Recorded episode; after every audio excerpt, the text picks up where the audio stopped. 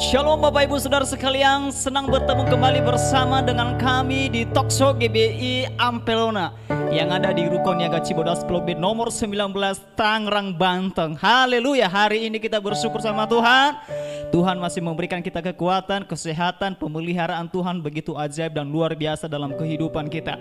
Pada sore hari ini Bapak Ibu Saudara sekalian di mana pun Anda berada, kembali kita membahas tentang uh, doktrin keselamatan atau sakramen. Hari ini bersama dengan narasumber yang luar biasa yaitu gembala uh, pembina kita, gembala sidang kita di GB Ampilona, Pendeta Aling Dharma SEMTA. Selamat sore Pak Pendeta. Ya, selamat sore. Apa kabar Pak Pendeta? Luar biasa.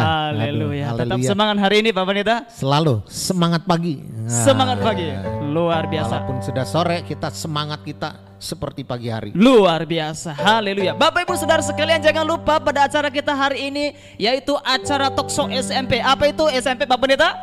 Apa itu? Santai, ya. menyenangkan, menyenangkan, pasti, pasti. Wow, haleluya. Kita hari ini ngobrol-ngobrol santai, Pak Pendeta. Iya, uh, kemarin kita bahas terakhir adalah tentang dosa, ya. Nah, Kristus telah mati bagi kita. Amin. Ya, untuk menebus dosa kita. Nah itu suatu kebenaran.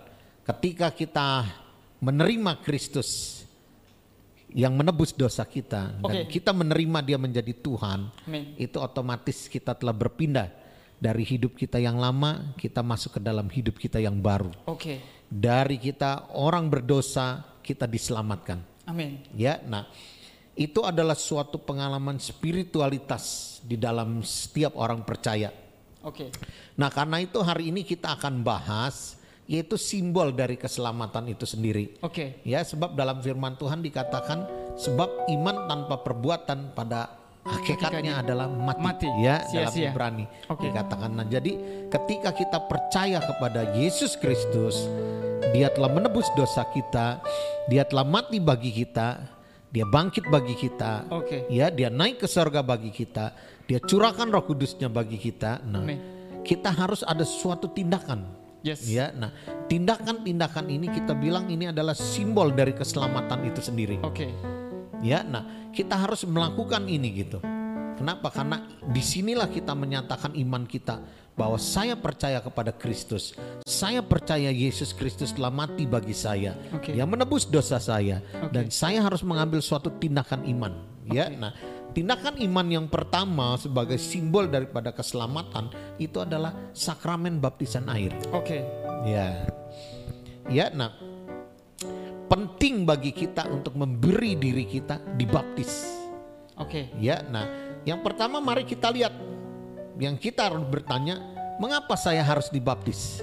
Oke. Okay. Ya, nah ada beberapa alasan. Alasan yang pertama mengapa kita harus dibaptis yaitu di dalam Markus pasal 1 ayat 9 dikatakan demikian ya saya bacakan aja dulu pada saat ia keluar dari air ia melihat langit terkoyak dan roh seperti burung merpati turun ke atasnya ya nah ini adalah Injil Markus mencatat Yesus Kristus pun ketika dia memulai dalam pelayanannya dia memberi diri dibaptis. Okay. Ya, jadi mengapa kita harus dibaptis? Simbol daripada keselamatan kita yang pertama adalah kita mengikuti contoh ya yang dilakukan oleh Yesus. Oke. Okay. Ya, jadi sakramen baptisan air ini kita ambil yang pertama karena adalah contoh dari teladan Yesus Kristus okay. itu sendiri.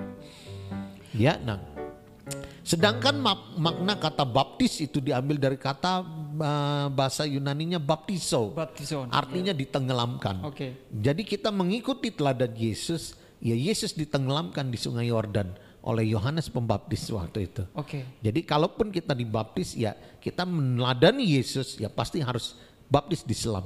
Oke. Okay. Bapak Ibu Saudara sekalian pada pembicaraan kita kali ini sangat menarik yaitu tentang simbol keselamatan. Bapak Ibu Saudara dikasih Tuhan dalam pembahasan kita ini kami akan membuka ruang diskusi. Bapak Ibu yang menyaksikan live ini apabila Anda bertanya boleh menghubungi kami melalui akun YouTube kami ini. Boleh mengkomentar sehingga pembahasan ini lebih menarik lagi, lebih luas lagi dan bermanfaat bagi pertumbuhan iman kita kepada Tuhan. Oke, Pak Pendeta, kita bicara tentang simbol keselamatan. Yeah.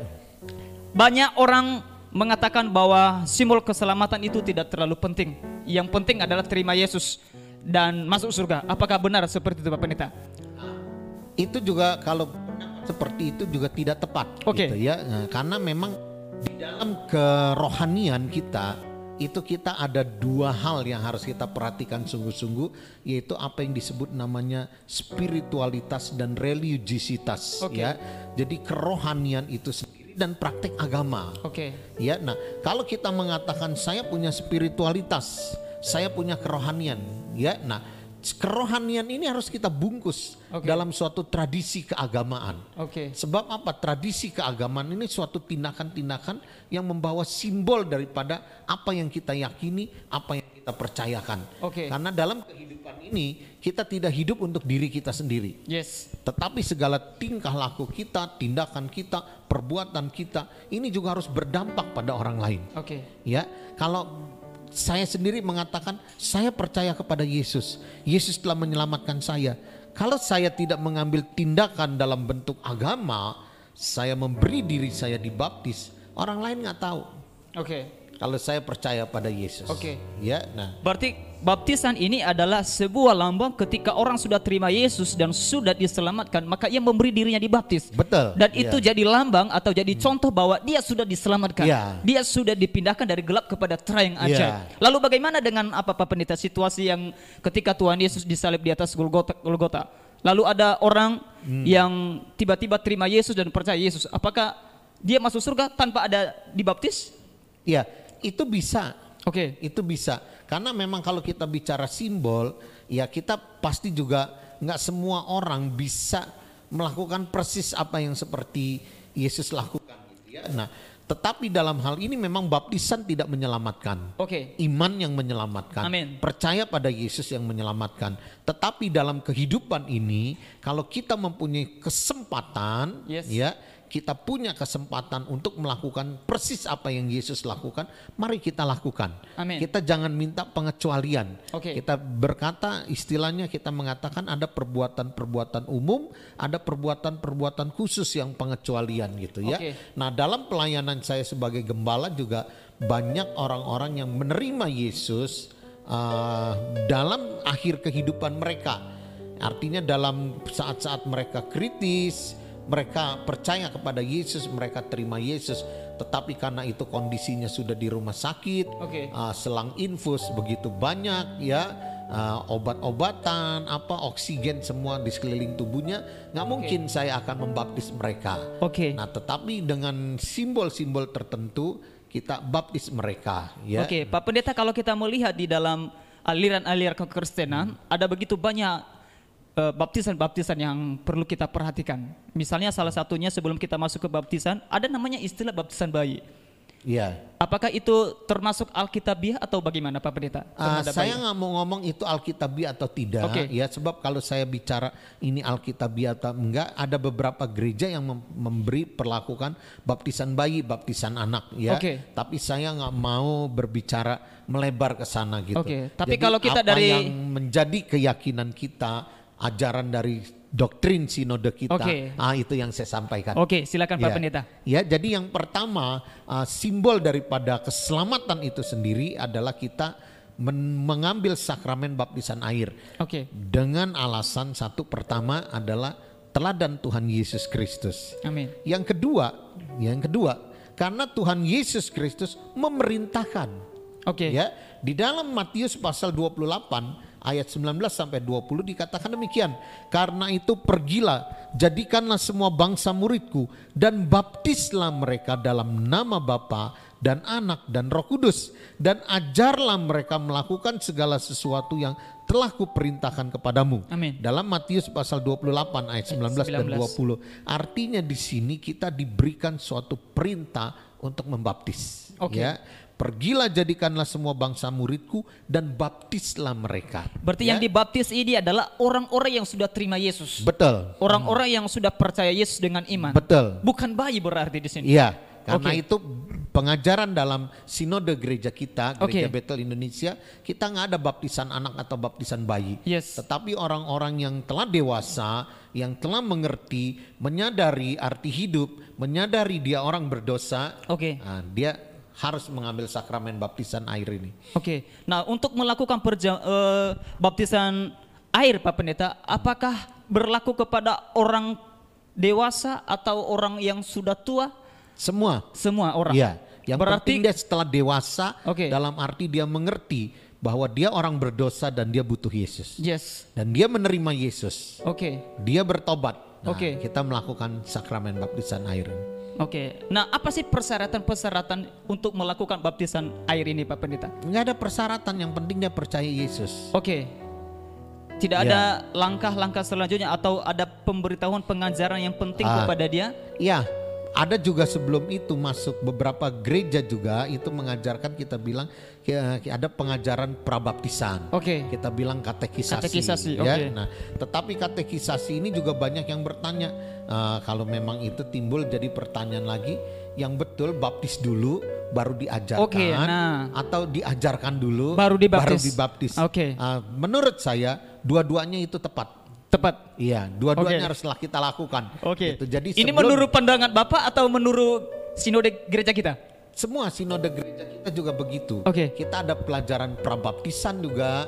Nah, setelah dibaptis bukan berarti dia nggak kita muridkan. Yes. Semua orang percaya juga harus dimuridkan. Oke. Terus umur hidup dia harus ada pemuritan yang berjalan. Oke. Ya, nah, ingat kita punya GBI Ampelona, kita mempraktekkan apa yang disebut namanya gereja sehat. Yaitu Gereja kita sehat. gereja yang melakukan uh, gerakan 5P. Haleluya. Apa itu Pak Ah, Pendeta? 5P itu kita Satu. ambil dari amanat agung dan perintah agung. Yes. Matius pasal 28 ayat 19 sampai 20. Oke. Ini adalah perintah agung. Oke. Ya, yang pertama dikatakan karena itu pergilah, jadikanlah semua bangsa muridku. Muridku. Amin. Pergilah dan jadikanlah semua bangsa muridku. Ini adalah suatu perintah. Oke. Perintah apa yang kita sebut namanya memberi kabar baik, Oke. pekabaran. Kabar sukacita. Ya. Penginjilan. Yes. Ah, ini P yang pertama. Oke. Jadi kita penginjilan. ada penginjilan, ada penjangkauan, Pengiji- ada pemberitaan. Penginjilan yang dimaksudkan di sini bukan menjadikan orang Kristen ataupun menarik orang masuk ke Kristen atau bagaimana Pak Pendeta? Ah, semuanya. Oke. Semuanya yang penting kita memberitakan kabar baik ini. Oke. Ini pemberitaan, penjangkauan ya. Jadi P yang pertama di dalam perintah agung ini. Berarti ya. tugas kita adalah memberitakan, Memberitakan. kabar sukacita. Ya, kabar sukacita. Mau dia terima Tuhan Yesus, mau Ya. biarkanlah urusan Roh Ya, Kudus yang bekerja. Betul. Betul. ya. Oke. Yang kedua ya dikatakan baptislah mereka dalam nama Bapa dan Anak dan Roh Kudus. Oke. Ketika kita dibaptis dalam nama Bapa, Anak dan Roh Kudus, ini adalah suatu lambang persekutuan. Oke. Nah, jadi gereja kita juga kita membangun apa yang disebut namanya persekutuan. Oke. Ya, dari penjangkauan, persekutuan itu udah P yang kedua. Oke, Ya, persekutuan. persekutuan. Oke. Persekutuan ini kalau dalam bahasa uh, mungkin kita bilang dalam bahasa teologianya ini kita bilang koinonia. Koinonia. Oke. Ya, kita membangun suatu persekutuan, keintiman di dalam antara Bapa, Anak dan Roh Kudus ya. Mereka bersekutu bersama-sama dan kita pun terlibat dalam suatu persekutuan Amin. itu. Ya. Amin. Yang ketiga dikatakan dan ajarlah mereka Oke. melakukan segala sesuatu. Oke. Artinya gereja juga mempunyai suatu tugas yaitu membawakan pengajaran Pengajaran kepada jemaat. kepada jemaat, Yes. kepada semua orang percaya. Oke. Jadi apakah dia sebelum dibaptis, sesudah dibaptis, Oke. pengajaran ini harus berjalan. Oke. Ini yang kita bilang namanya Terus didaskalia. Yes.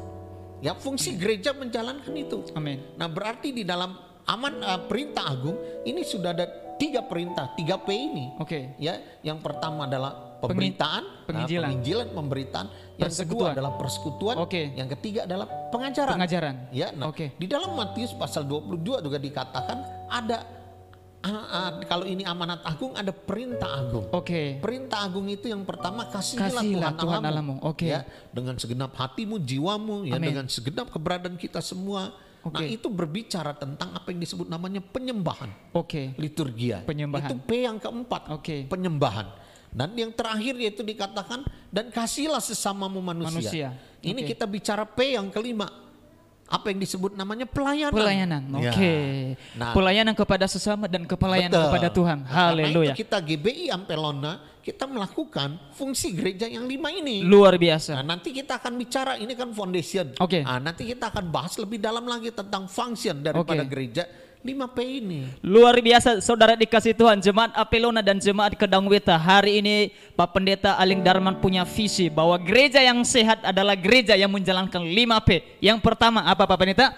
Penginjilan Ya, Kedua persekutuan ya. Ketiga pengajaran Keempat pelayanan Dan Penyembahan. kelima penyembahan luar biasa Inilah visi yang muncul dari Pak Pendeta Misi, misi misi dari Pak Pendeta supaya jemaat yang digembalakannya menjadi gereja yang sehat. Gereja yang sehat adalah gereja yang bertumbuh dari kualitas dan kuantitas. Ya. Amin. Amin. Ya, nah yang ketiga alasan kita dibaptis. Ya. Mengapa kita harus mengambil sakramen baptisan air adalah menunjukkan bahwa kita benar-benar orang percaya. Amin. Jadi kita memproklamirkan, kita menyatakan kepada semua orang bahwa kita benar-benar menjadi orang percaya. Yes. Karena itu kita mengambil sakramen baptisan air ini. Oke. Jadi ketika kita mengambil sakramen baptisan air ini harus diumumkan kepada semua jemaat, Oke. kepada semua sanak famili kita. Oke. Ya, nah karena itu penting sekali simbol keselamatan ini kita lakukan ya. Oke. Di dalam kisah pasal 18 ayat 8 dikatakan banyak dari orang-orang Korintus yang mendengar pemberitaan Paulus menjadi percaya, memberi diri mereka dibaptis. Amin. Ya, jadi ini adalah suatu menunjukkan gitu ya. 1 Yohanes pasal 2 ayat 3 juga mengatakan dan inilah tandanya bahwa kita mengenal Allah yaitu jikalau kita menuruti perintah-perintahnya. Yes. Ya, nah, Amin. haleluya. Amin. Nah, Ya, jadi dengan alasan itulah mengapa kita harus dibaptis. Nah, Oke, pertanyaan saya Pak Pendeta begini. Dari tadi pembacaan kita di dalam Matius 28 ayat 19 sampai 20 bahwa Tuhan perintahkan kita untuk pergi untuk menjadikan eh, semua bangsa menjadi murid. Nah, pertanyaannya adalah ini sebenarnya tugas siapa? Dan di dalam tadi amanat agung ada kalimat yang mengatakan bahwa baptislah mereka di dalam nama Allah Bapa, Anak dan Roh Kudus. Nah, pekerjaan yang melakukan baptisan ini siapa? Apakah hanya untuk para pendeta? Apakah untuk pelayan Tuhan saja? Oke, sebetulnya ini adalah tugas gereja. oke, Nah, kembali kita bertanya, gereja itu siapa? yes, Gereja itu adalah kita orang percaya. oke, Ya, persekutuan. nah, bukan persekutuannya, tapi Oke. kita orang percaya ini juga Oke. kita gereja. Organisme ilahi, organisme yang percaya kepada Yesus itu adalah gereja. Oke. Ketika organisme-organisme ini berkumpul, kita membentuk suatu organisasi. Yes, Nah, ketika kita berkumpul menjadi organisasi inilah ya sebetulnya orang akan mengatakan inilah organisasi gereja. oke, Ya, nah kalau tugas eh, penjangkauan, pemberitaan itu tugas gereja. oke. Membaptis pun tugas gereja. Oke. Artinya tugas siapa? Semua orang percaya. Semua orang luar biasa. Ya. Nah, pertanyaannya kalau kita lebih dalam kalau kita orang awam, Oke, boleh nggak kita membaptis? nah, Maksud bagaimana Bapak Pak kan begitu Iya, nanyanya. betul Maksud sekali. Pak Natalis. Iya. Saya mengatakan boleh aja. Silakan. Oke. Tetapi kalau kita punya wadah dalam suatu organisasi gereja, mari kita uh, hidup dalam konteks koridor organisasi. Oke, Ya, misalnya di dalam organisasi gereja kita, oh ada pemimpin rohani kita, Oke, ada berarti- pendeta kita. berarti itu dia melaksanakan? Iya, Haleluya. biarlah mereka yang mengambil pelaksanaan itu. Oke. Tapi suatu ketika kalau kita ada di hutan, Iya. kita bertemu dengan orang asing, tiba-tiba Ada uh, pendeta. kita kab- kabarkan kabar baik kepada mereka, mereka percaya. yes, Masa kita harus nyari pendeta? Yang kita harus menunggu satu dua tahun lagi Wah. pendeta baru datang. Aduh. Ya baru ketemu. Ya udah kita baptis pun nggak salah karena Oke. memang kita sebagai imamat yang rajani orang-orang percaya kepada Amin. Yesus. Oke. Lakukan itu. yes, Ya, nah terutama juga dalam suasana kita seperti sekarang kita kena PSBB atau Ya. apa, tiba-tiba ada jemaat yang mau dibaptis. wah bagaimana Ah, solusinya Pak Pendeta? pendetanya nggak bisa lagi ya. Nggak Oke. bisa keluar atau apa. Hmm. saya mengatakan atas izin pendeta atas izin bapak gembala baptislah Oke, nggak apa-apa yang penting atas izin bapak gembala oke. ya Berarti yang mengatur itu adalah gembala gereja Ya, itu sendiri. karena kita Dia tetap ada kasih wewenang. organisasi kita. Oke, betul. Ya, artinya organisasi kita juga harus berfungsi, harus bekerja dengan baik gitu. Oke, Ya, nah tetapi ini hal-hal yang khusus, oke. jangan dijadikan umum. Oh, berarti ini bukan universal Pak Pendeta? Bukan, Oke, ya ini pengecualian-pengecualian. Oke, bilang, pengecualian, ya. oke. Ke pengecualian-pengecualian boleh nggak? Boleh aja. Yang penting kita tidak keluar dari esensi sesungguhnya. Oke, Ya, nah. tetap pada koridornya. iya betul. Ya, oke. Ya. Nah, sekarang mari kita melihat lebih lanjut lagi yaitu apakah arti baptisan itu ya? Seperti kita melihat pengecualian-pengecualian, banyak orang yang sudah tidak bisa berbuat apa-apa lagi tapi mereka harus dibaptis ya. Nah, kita akan baptis, mungkin kita tidak akan selam.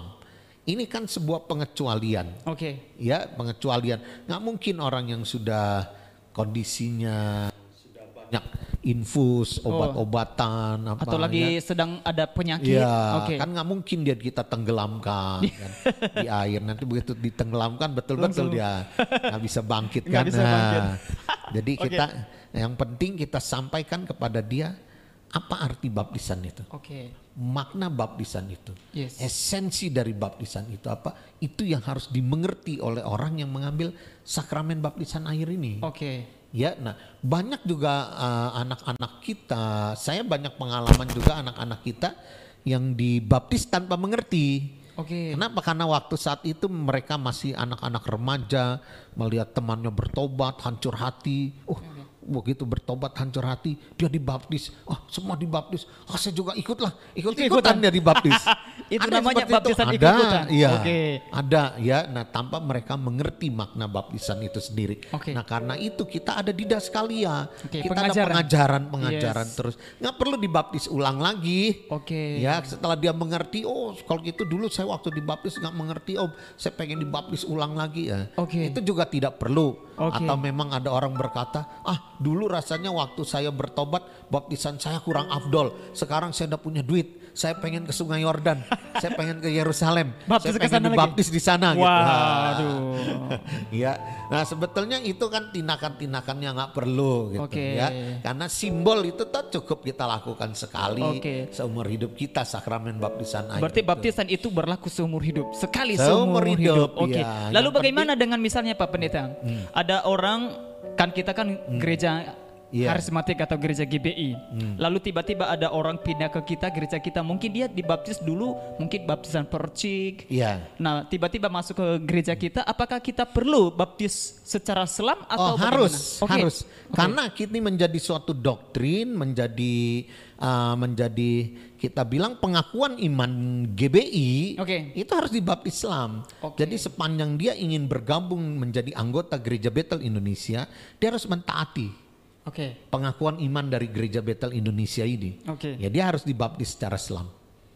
Oke. Dan Ya. itu tidak salah Pak Pendeta? Oh tidak, tidak, Tidak salah, salah. tidak Oke, tidak salah tidak ya. Nah, karena memang itu ketetapan organisasi kita bilang ya. Oke. Kalau kita memang mau bergabung dalam suatu organisasi GBI, ya kita ikuti aturannya. Ini organisasi untuk melindungi organisme. Karena di dalam organisasi itu sendiri kan kita mengadakan pengajaran. Oke. Ya, pengajaran-pengajaran tentang baptisan Islam bagi GBI itu sesuatu yang mutlak. Oke. Ya, nah, mari kita lihat makna dari baptisan itu sendiri. Yang pertama ya dikatakan baptisan air itu sebuah ilustrasi dari kematian dan kebangkitan Oke, Kristus. oke. Ya, maknanya adalah kematian Dan dan, kebangkitan, kebangkitan. Kristus. Oke. Ya, dikatakan dalam 1 Korintus pasal 15 ayat 3 sampai 4 dikatakan Kristus telah mati karena dosa-dosa kita, bahwa ia telah dikuburkan dan bahwa ia telah dibangkitkan, ya. Jadi dia telah mati karena dosa-dosa kita, ia telah dikuburkan, ia telah dibangkitkan. Ya. Kolose pasal 2 ayat 12, karena dengan dia kamu dikuburkan dalam baptisan dan di dalam dia kamu turut dibangkitkan. Oke. Ya. Nah, jadi ada makna kematian dan kebangkitan, ya. Nah, ketika kita hamba Tuhan membaptis jemaat, Oke. selalu dikatakan demikian. Di dalam nama Allah Bapa, Allah Anak, Allah Roh Kudus, Oke. yaitu di dalam nama Tuhan Yesus Kristus, kami membaptiskanmu. Biarkan hidupmu yang lama mati bersama dengan kematian Kristus. Oke. Ya, setelah itu dia kita angkat, kita bangkitkan dari air dan, Dan kita hidup. mengatakan engkau telah bangkit bersama dengan kebangkitan Kristus. Oke. Jadi di dalam air itu menjadi pemisah antara kehidupan lama yang harus mati Oke. dan bangkit menjadi manusia baru di dalam Kristus Yesus. Ya, Berarti ketika seseorang ditenggelamkan ke dalam air, berarti Iya. lambangnya dia sedang dikuburkan. Iya betul. dalam arti dosa-dosa atau perbuatan Manusia lamanya. manusia yang lamanya. Iya, Tetapi manusia lamanya telah dikuburkan dia telah dikuburkan. bersama dengan kematian Kristus. Oke, Dan dia bangkit sebagai manusia baru. oke. Ya, jadi Berarti ada dia kematian dan ada, ada kebangkitan. kebangkitan. Berarti Yang bangkit itu adalah manusia baru. dia. manusia barunya. Oke. Hmm. Baik Bapak Ibu Saudara sekalian, pada hari ini luar biasa pembicaraan kita kita membahas tentang lambang kes eh, baptisan. Baptisan kita sudah bicara tentang bagaimana kita dikuburkan manusia lama kita dan akan bangkit lagi hidup baru. Hidup baru yang dimaksudkan adalah kita penuh dengan kemuliaan Tuhan, penuh dengan kuasa Tuhan. Artinya tidak ada lagi dosa, tidak ada lagi perbuatan dan kita tidak boleh hidup lagi di manusia lama kita. Baik Pak Pendeta, saat ini kita bernyanyi dulu sebelum Oh, kita masuk iya. ke seksi selanjutnya. Baik, Oke. mari kita dengarkan puji-pujian yang akan dinaikkan oleh tim kita. Oke.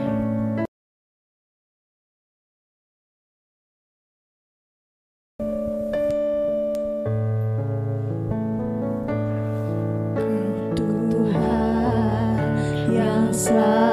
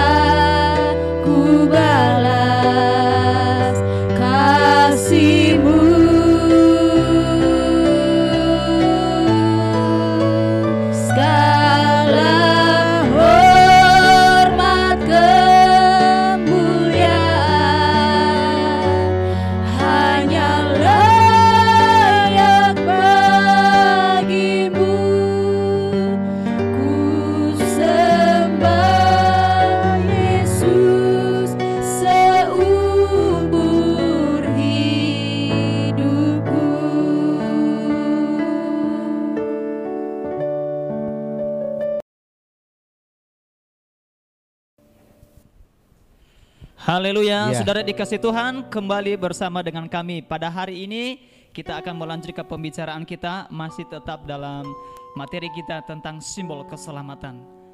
Silakan Pak Pendeta. Ya, eh, jadi kita kembali tadi lagi itu arti dari baptisan itu sendiri ya. Nah, arti dari sakramen baptisan itu.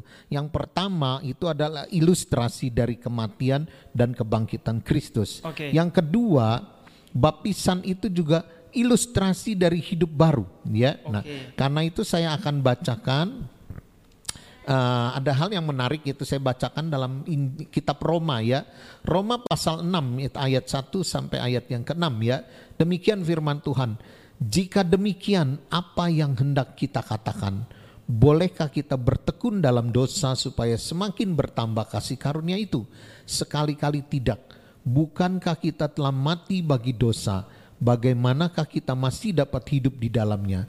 Atau tidak tahukah kamu bahwa kita semua yang telah dibaptis dalam Kristus telah dibaptis dalam kematiannya?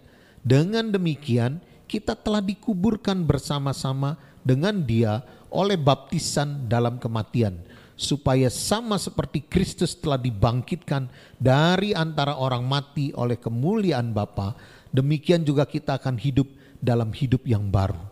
Sebab jika kita telah menjadi satu dengan apa yang sama dengan kematiannya, kita juga akan menjadi satu dengan apa yang sama dengan kebangkitannya. Karena kita tahu bahwa manusia lama kita telah turut disalibkan supaya tubuh dosa kita hilang kuasanya agar jangan kita menghambakan diri lagi kepada dosa.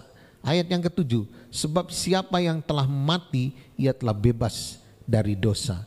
Ayat ke-8, jadi jika kita telah mati dengan Kristus, kita percaya bahwa kita akan hidup juga dengan dia. Amin. Ya, jadi uh, baptisan itu adalah simbol dari kematian dan kebangkitan. Kebangkitan. Oke. Dan yang kedua adalah simbol daripada hidup yang baru di dalam Kristus. Oke. Ya. Nah, di dalam Roma pasal 6 ini yang menarik ada yang dikatakan demikian. Oke. Itu dikatakan karena kita tahu ayat yang ke-6 bahwa manusia lama kita, manusia lama kita telah turut disalibkan. Oke. Artinya apa? Loh, kok ada manusia lama?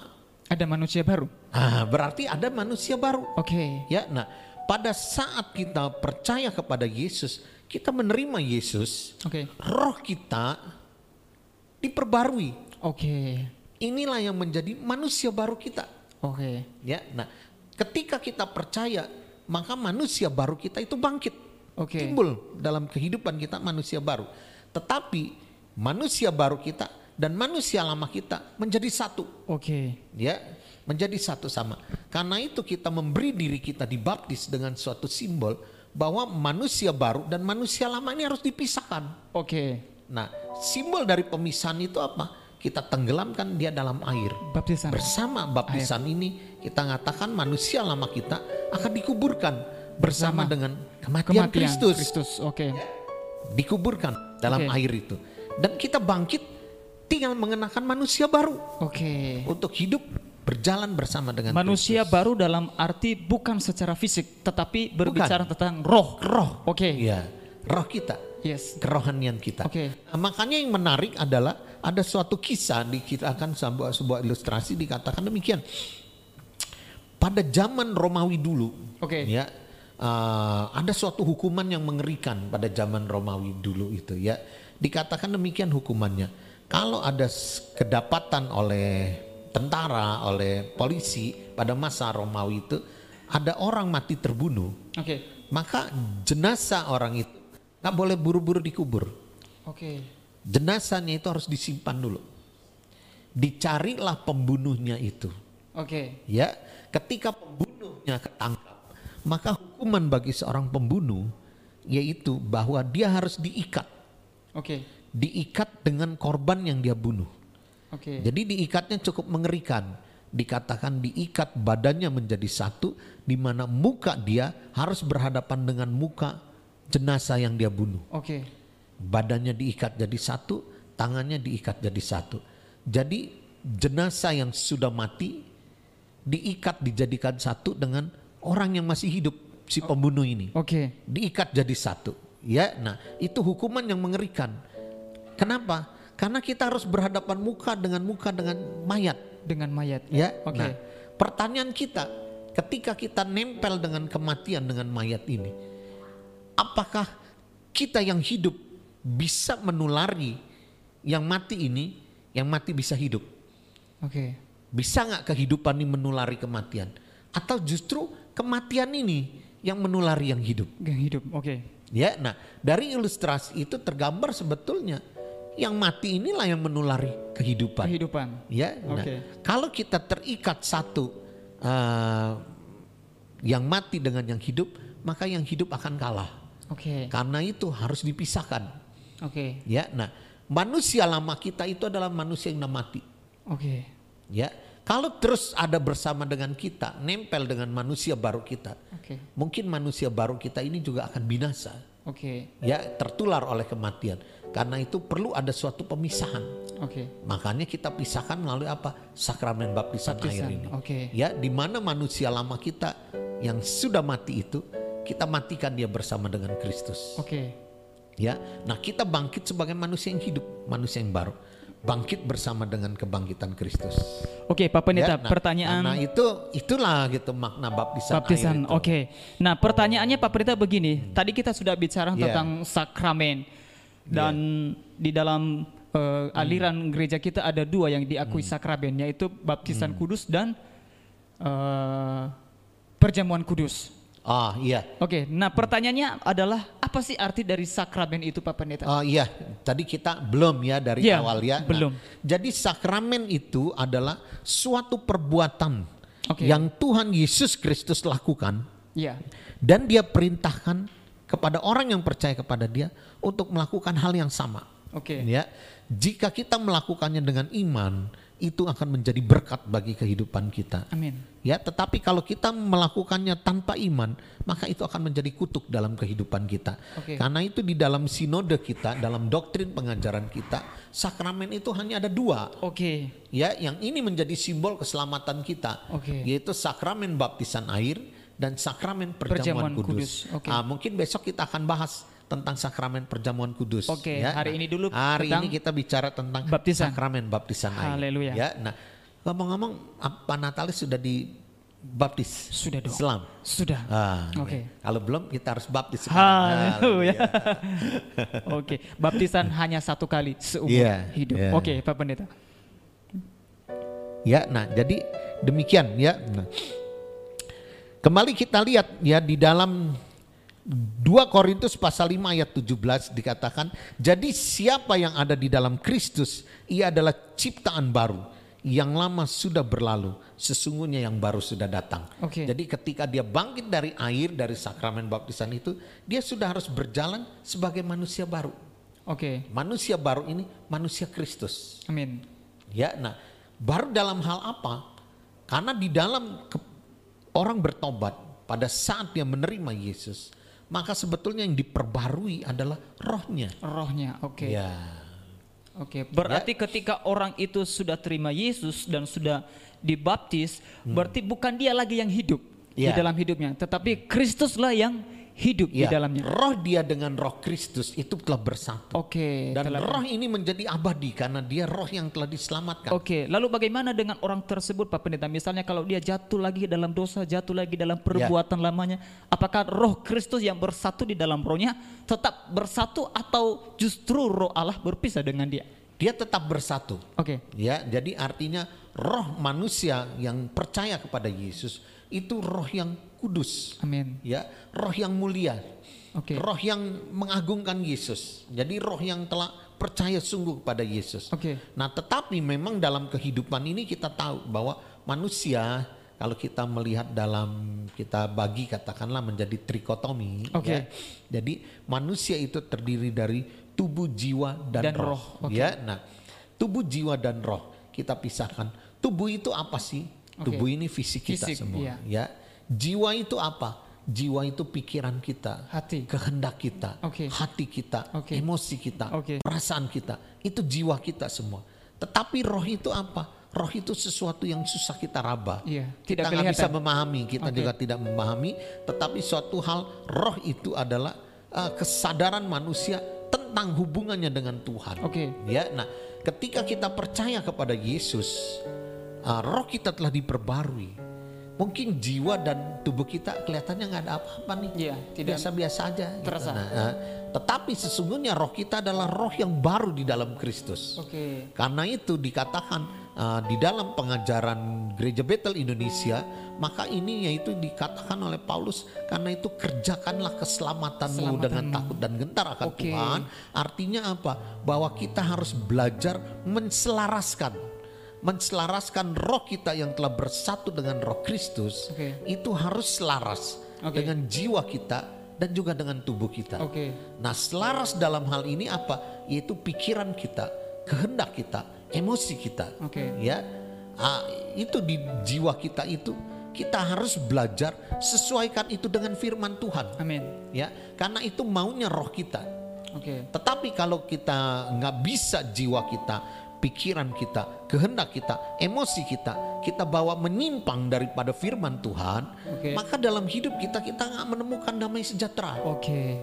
Ada kegelisahan, Oke, ada ya, ketakutan, ada ketakutan, kekhawatiran. kekhawatiran, ketidakbahagiaan. Oke. Sebetulnya apa? Karena ketika jiwa kita tidak selaras dengan roh kita. dengan roh kita. Oke. Ya.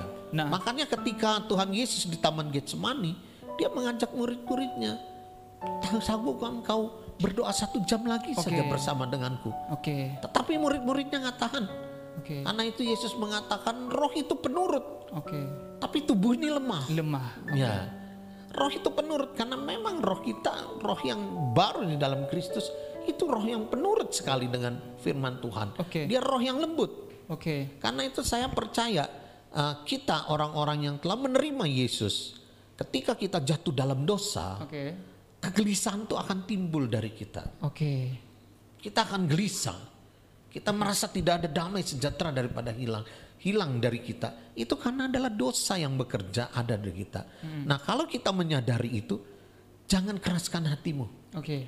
Lembutkanlah hatimu. Berbalik. Bertobatlah. Amin. bertobatlah kembalilah Oke. ya nah karena kita wajar kalau memang jiwa kita ini mengajak kita berbuat dosa Oke. ya kita kita katakan kita jatuh dalam dosa Oke. Jatuh dalam dosa apakah suatu hal yang wajar wajar asal kita mau bertobat Oke. berapa kali kita bertobat berapa kali pun kita jatuh bertobatlah kembali Bertobat pintu keselamatan masih Oke. terbuka Bertobat itu adalah terus menerus. Terus Terus menerus menerus. Oke. Ya. Tapi kalau lahir baru adalah sekali, Sekali, iya. seumur hidup. Sema- nah, pertanyaan saya Pak Iya, Pendeta, iya. tadi kita belajar tentang trikotomi yaitu. Hmm. tibu- tubuh, jiwa dan roh. Nah, ketika orang sudah terima Yesus sebagai Tuhan dan juru selamat dan ia dibaptis, Hmm. lalu dia akan diselamatkan. Nah, pertanyaannya adalah ketika orang sudah dibaptis yang diselamatkan dari hidupnya itu apa? Tubuhnya, jiwanya atau rohnya atau tiga-tiganya? rohnya dahulu Oke. Rohnya dahulu Oke. rohnya telah diselamatkan rohnya akan abadi Oke. Rohnya akan terus bersama dengan Yesus. Oke. Nah, tugas orang percaya yang rohnya telah diperbaharui itu, mari jiwanya itu selaraskanlah dengan firman Tuhan. Oke. Sesuai dengan rohnya itu. Oke. Karena itu pemazmur selalu mengatakan, "Hai jiwaku, pujilah Allah. Oke. Hai jiwaku, tinggikanlah namanya yang agung." Amin. Mengajak jiwa kita, Oke. emosi kita, pikiran kehendak kita semua selaras dengan firman Tuhan Oke. yang sesuai dengan roh kita. Amin. Amin. Ya, nah setelah roh kita itu eh, selaras Selamat. jiwa kita dengan selaras, maka otomatis tubuh kita pun dia akan dibawa selaras. Oke. Ketika emosi kita, pikiran kita, kehendak kita berjalan bersama dengan Kristus dikatakan walking in the spirit, Oke. berjalan dalam roh. Artinya pikiran kehendak kita kita bangun, maka jasmani kita, panca indera kita pun Oke. akan terarah kepada kebenaran-kebenaran ini. Oke. Ya, nah berbalik cara kerjanya dengan setan. Oke. Ya, setan itu bekerja, dia tidak mempengaruhi roh kita karena setan tidak bisa masuk mempengaruhi roh kita. Oke. Tetapi setan bekerja dengan tiga cara juga. Oke. Ya, yang pertama dikatakan dia membangun obsesi. Obsesi. Ya, Oke. setan itu akan membangun obsesi. Obsesi ini muncul dari mana? Dari jasmani. Oke. Dari jasmani, dari fisik Jasmani, manusia. dari tubuh, Oke. dari panca indera. Oke. Ya, setan bekerja. Pandangan kita diajak melihat dunia. Oke. Pendengaran kita diajak melihat dunia. Dari mulut kita juga. Iya, semua apa yang ada dalam tubuh jasmani kita, panca indera kita ini, iblis mempengaruhi. Oke. Dia memberikan kepada kita obsesi-obsesi dosa. Oke. Sehingga Tawaran-tawaran. obsesi-obsesi dosa ini membuat kita menjadi uh, possession. Oke. Ya, artinya dari obsesi kita menjadi possession. Possession itu kita udah mengejar, kita mencari. sampai kita dikendalikan oleh iblis apa yang disebut namanya oppression. Oke. Jadi ketika oppression ini artinya iblis telah menguasai seluruh tubuh kita. Oke. Dan bukan hanya tubuh kita, ketika tubuh kita dikuasai dengan obsession-obsession dari iblis, maka emosi kita, pikiran kita, kehendak kita, itu juga kehendak dosa. Oke. Dan itu yang bertentangan dengan roh kita yang telah diperbarui dalam Tuhan. Sehingga kita tidak pernah menemukan kedamaian dan kebahagiaan. Kalau terus kita hidup dalam keadaan situasi seperti ini, maka ya ada kemungkinan juga kita akan murtad. Oke. Mungkin kita juga akan menyangkal Yesus. Oke. Dan di situlah keselamatan itu hilang. Hilang. Oke. Berarti keselamatan seseorang itu ketika ia sudah terima Yesus dan sudah dibaptis, apakah iblis masih tetap menawarkan godaan-godaan atau tawaran-tawaran duniawi? Masih terus. Supaya apa ini Pak Pendeta? Iya karena iblis ingin membawa kita masuk dalam dosa. Oke. Dia ingin menarik kita menjadi pengikutnya. Oke. Jadi antara Allah bekerja dengan iblis bekerja berbanding terbalik. Oke. Allah bekerja, dia memperbarui roh kita. Oke. Setelah itu dia katakan, perbaruilah jiwamu. Perbaruilah tubuhmu. Oke. Kenapa ketika kita roh kita di dalam Tuhan, jiwa kita di dalam Tuhan, pikiran kita, kehendak kita, emosi kita di dalam Tuhan, Oke. selaras, maka tubuh kita juga akan terpengaruh. Saya percaya mujizat kesembuhan ilahi itu dimulai dari roh, Oke. dari jiwa dan tubuh kita. Tubuh, fisik. Akan ada mujizat dalam tubuh-tubuh kita. Amin. Ya, nah, tetapi iblis bekerja terbalik. Oke. Dia bekerja melalui tubuh kita dipengaruhi. Oke. Dia memberikan obsesi-obsesi melalui panca indera kita. Oke. Sehingga jiwa kita terpengaruh. Dikatakan kita possession Oke. di dalam Tuhan. Oke. Sampai roh kita dikendalikan menjadi oppression. Kita Oke. mutlak menjadi milik iblis. Oke. Berarti iblis itu memakai seluruh organ tubuh kita untuk menjatuhkan kita kembali. Betul, ya. Nah. Jadi dari mata kita, Oke. penglihatan kita. Karena itu firman Tuhan apa yang mengatakan yaitu segala keinginan mata, Oke. keangkuhan hidup. Oke. Itu semua bukan berasal daripada Allah tapi berasal daripada dunia. Oke. Si iblis, ya. Masih ada lagi Pak Pendeta? Ah, apa yang mau ditanya? Oke. Bapak Ibu Saudara sekalian, hari ini kita akan membuka ruang diskusi apabila ada pertanyaan atau komentar atau masukan kepada kami boleh memberikan pertanyaan, komentar dan lain sebagainya melalui diskusi ini supaya diskusi ini benar-benar bermanfaat bagi eh, pertumbuhan kita, bagi iman kita, bagi rohani kita. Oke, pertanyaan saya Pak Pendeta mengenai sakramen tadi. Iya. Eh, di organisasi Gereja Betel Indonesia ada dua sakramen yang diakui. Iya. Seperti tadi yang sudah disampaikan pendeta, yang pertama yaitu baptisan air dan perjamuan kudus. Pertanyaannya kenapa hanya dua Pak Pendeta? Ya, karena kita bilang sakramen itu adalah suatu perbuatan yang Tuhan Yesus Kristus lakukan Oke. dan dia perintahkan kepada semua orang yang percaya untuk melakukan dengan cara yang sama. Oke. Itu makna sakramen. Tuhan Yesus melakukan yang sama, kita juga melakukan yang sama. Memang ada beberapa gereja itu mempunyai sakramen lebih daripada dua. Iya, banyak. Ya, banyak. gitu Oke. ya. Nah, tetapi saya nggak membahas mereka dari mana, tapi saya percaya mereka mungkin juga punya alasan-alasan tersendiri. Oke. Ya, itu mutlak dari mereka dan kita nggak bisa uh, mengerti karena kita nggak pelajari itu. Kita pelajari, betul. Ya. Oke. Jadi biarkanlah mereka mempercayai itu apa yang sesuai dengan doktrin mereka masing-masing. Oke. Kita menghormati doktrin mereka gitu ya. Pasti mereka juga punya uh, argumen-argumen sesuatu yang baik, sesuatu yang memang membangun kerohanian juga. Amin. Gitu. Berarti tujuan daripada sakramen ini apa sebenarnya Pak Pendeta? Itu adalah simbol daripada keselamatan itu. Oke. Itu adalah tindakan iman dari keselamatan itu. Oke. Jadi ketika kita diselamatkan, kita mengakui bahwa Kristus Yesus telah menjadi Tuhan bagi kita. Oke. Itu kita nyatakan dalam perbuatan-perbuatan iman kita. Oke, berarti sakramen ini adalah sebuah kewajiban bagi kita untuk Ya. apa? Ya, Untuk memperlengkapi kita. bukan memperlengkapi tapi Oke. pernyataan iman kita. Pernyataan iman kita. Berarti Ya. ketika seseorang sudah terima Yesus dan dia meresponi itu, maka ia perlu mengadakan sakramen dalam dirinya Betul, ya. supaya dia benar-benar memahami bahwa keselamatan itu penting. Betul. Nah, di dalam melakukan baptisan tadi ada pengajaran seperti tadi yang sudah dijelaskan oleh Ya. Pak Pendeta. Apakah pengajaran duluan atau baptisan duluan? Ya. Nah, pengajaran-pengajaran yang kita berikan kepada jemaat seperti apa misalnya Pak Pendeta terkait dengan keselamatan? Ah, banyak sekali hal-hal yang kita pelajari gitu Oke. di dalam kita setelah menjadi percaya ya kita tidak aja bergerak hanya tentang bicara tentang keselamatan Oke. apa juga tapi banyak hal-hal lain ya tentang karakter hidup kita, pandangan hidup kita, Oke. ya worldview dalam kehidupan kita gitu. Itu banyak hal yang memang di Daskalia ini pendidikan menjadi uh, mutlak tanggung jawab gereja. Oke. Bagaimana dia mendidik orang-orang yang percaya untuk hidup di dalam kebenaran-kebenaran ini. Oke. Nah pertanyaan saya selanjutnya Pak Pendeta, ketika seseorang sudah dibaptis, lalu banyak orang berkata, kenapa kamu nggak ada perubahan? Hidupmu masih tetap seperti yang lama, tidak ada perubahan.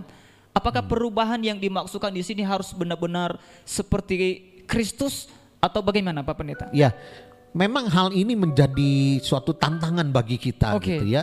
Eh, bukankah dalam pengajaran-pengajaran ini kekristenan itu kita harus berbuah? Oke, Ya, berbuah. nah, ini masalah pertumbuhan kerohanian berbuah. Ini memang titik krusial yang paling sulit gitu. Oke. Ya, s- kemarin kita bahas eh, dalam Injil Yohanes pasal 15 ayat 16. Oke. Bukan kamu yang memilih aku, tetapi, Tetapi akulah akulah yang yang memilih memilih kamu. kamu. Oke. Dan aku menetapkan kamu untuk kamu pergi dan kamu menghasilkan buah dan buahmu itu tetap. Ya, nah, bicara tentang menghasilkan buah, ini yang menjadi hal yang sangat sekali menjadi tantangan bagi kehidupan Kristen. Oke. Ya, karena kita begitu kita menjadi orang Kristen, dunia menuntut kita apa buah-buahmu? Oke. Bagaimana kamu hidup bisa menjadi berkat bagi sesama? Oke. Ya, nah kadang-kadang konflik kehidupan ini yang begitu berat apa sering kali eh, orang banyak gak puas dengan perilaku kita. Oke. Ketika orang gak puas dengan perilaku kita, orang akan nyinyir sama kita. Iya, betul. Ya, ketika orang nyinyir, oh, apa itu semua omong kosong lah, Iya. itu pendeta munafik, pendeta kosong apa semua. Iya. Ya, nah, padahal kan sebetulnya di balik itu enggak seperti itu semua. Oke. Ya, tetapi apa ada nggak pendeta munafik? Banyak juga. Oh, banyak. banyak sekali. Wow. Munafik yang dimaksud di sini seperti apa Pak Pendeta? Jadi munafik itu dari bahasa munafik. Oh. Mukanya nabi, pikirannya kotor. Oke, haleluya. Bapak Ibu Saudara sekalian, pada pembahasan kita kali ini sangat menarik sekali sudah banyak menjelaskan materi-materi yang disampaikan oleh Pak Pendeta dan biarlah hal ini membuat kita semakin menyadari bahwa kita adalah orang-orang yang dipanggil Tuhan, orang-orang yang menyadari kita yang sudah diselamatkan oleh Kristus Yesus. Oke, Pak Pendeta, waktu kita sudah selesai Iya. dan mungkin Pak Pendeta sampaikan pesan-pesan kepada jemaat tentang Ah, materi kita hari Iya. ini. Baik, saya ingin mengatakan kepada jemaat, jika engkau telah percaya kepada Yesus dalam hatimu dan engkau menerima Dia sebagai Tuhan dan Juru Selamatmu, Amin. baptislah. Oke. Mintalah baptisan air kepada pendetamu, karena baptisan ini adalah hak daripada orang percaya. Oke. Saya selalu mengatakan kepada jemaat, Oke. saya sebagai hamba Tuhan, kapan pun engkau percaya kepada Yesus, kapan pun engkau minta dibaptis, saya siap membaptis. Haleluya. Mau jam 12 malam, mau hari ini juga, karena itu adalah hak orang percaya. Oke, itu perintah agung. Iya, perintah agung itu Oh. hak orang percaya. Waduh. Ada orang berkata, Pak, tolong datang ke rumah saya malam ini, saya akan dibaptis. Luar saya biasa. akan datang. Luar biasa. Ya, ya, nah, Oke. karena itu mutlak bagi dia. Oke, Bapak Ibu Saudara sekalian, demikianlah pembahasan kita pada hari ini. Sekali lagi kami ucapkan terima kasih atas eh, partisipasi Anda, Bapak Ibu sudah mendengar, sudah menonton, sudah melihat materi talkshow kami pada hari ini. Dan Bapak Ibu Saudara dikasih Tuhan, kembali kita bertemu hari Besok. besok hari Ya. Jumat, Saudara dikasih Tuhan. Ada Kita pertanyaan mari ajukan ya. Bisa japri melalui uh, Facebook, Oke. melalui WhatsApp semua multimedia Oke. kita buka ya. Oke. Nah, kita ada satu lagu. Oke. Lagu Ampelona. Ampelona. GBI Ampelona. Luar biasa. Ya, mari kita tutup dengan lagu, Lagu Ampelona. Ampelona, oke. Mari silahkan para penyanyi kita.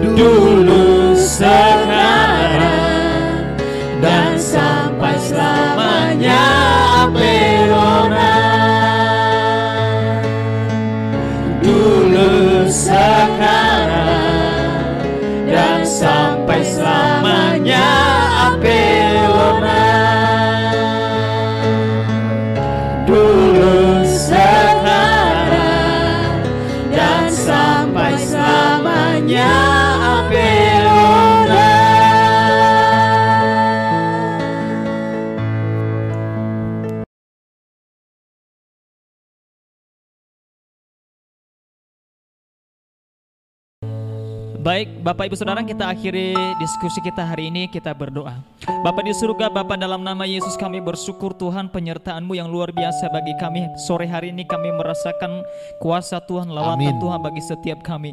Hari ini Tuhan segala materi, segala pembelajaran yang kami sampaikan kepada seluruh sidang jemaat, bahkan kepada orang-orang yang mendengarkan kami berdoa di dalam nama Tuhan Yesus. Bila melalui pengajaran ini mereka dijamah Tuhan, mereka diberkati Tuhan sehingga mereka menjadi orang-orang yang terus berbuah, Yesus. Terus menjadi orang yang Amin. bertumbuh berangkat dan berbuah di dalam Kristus Yesus. Terima kasih Bapak yang baik, terima kasih Tuhan Yesus, Engkau memberkati terus Tuhan GBI, gereja kami Ampelona, biarlah ini menjadi tempat kami bertumbuh mengenal Engkau, percaya kepadamu dalam setiap kehidupan kami. Bapak di surga berkati juga Bapak Pendeta Aling Dharma sebagai narasumber Tuhan Kami berdoa di dalam nama Yesus Tambah-tambahkan hikmah kebijaksanaan roh kearifan dalam kehidupan Amin. hambamu Sehingga hambamu terus Tuhan mengambarkan kabar baik Kabar sukacita kepada banyak orang Sehingga hambamu Tuhan banyak jiwa-jiwa Yang dimenangkan melalui pengajaran-pengajarannya. Terima kasih Bapak yang baik Kami akhiri Tuhan diskusi kami Tokso kami pada hari ini. Biarlah Tuhan terus memberkati kami Melindungi kami. Di dalam dan demi nama Yesus Kristus kami sudah berdoa Dan mengucap syukur. Haleluya Amin. Terima kasih.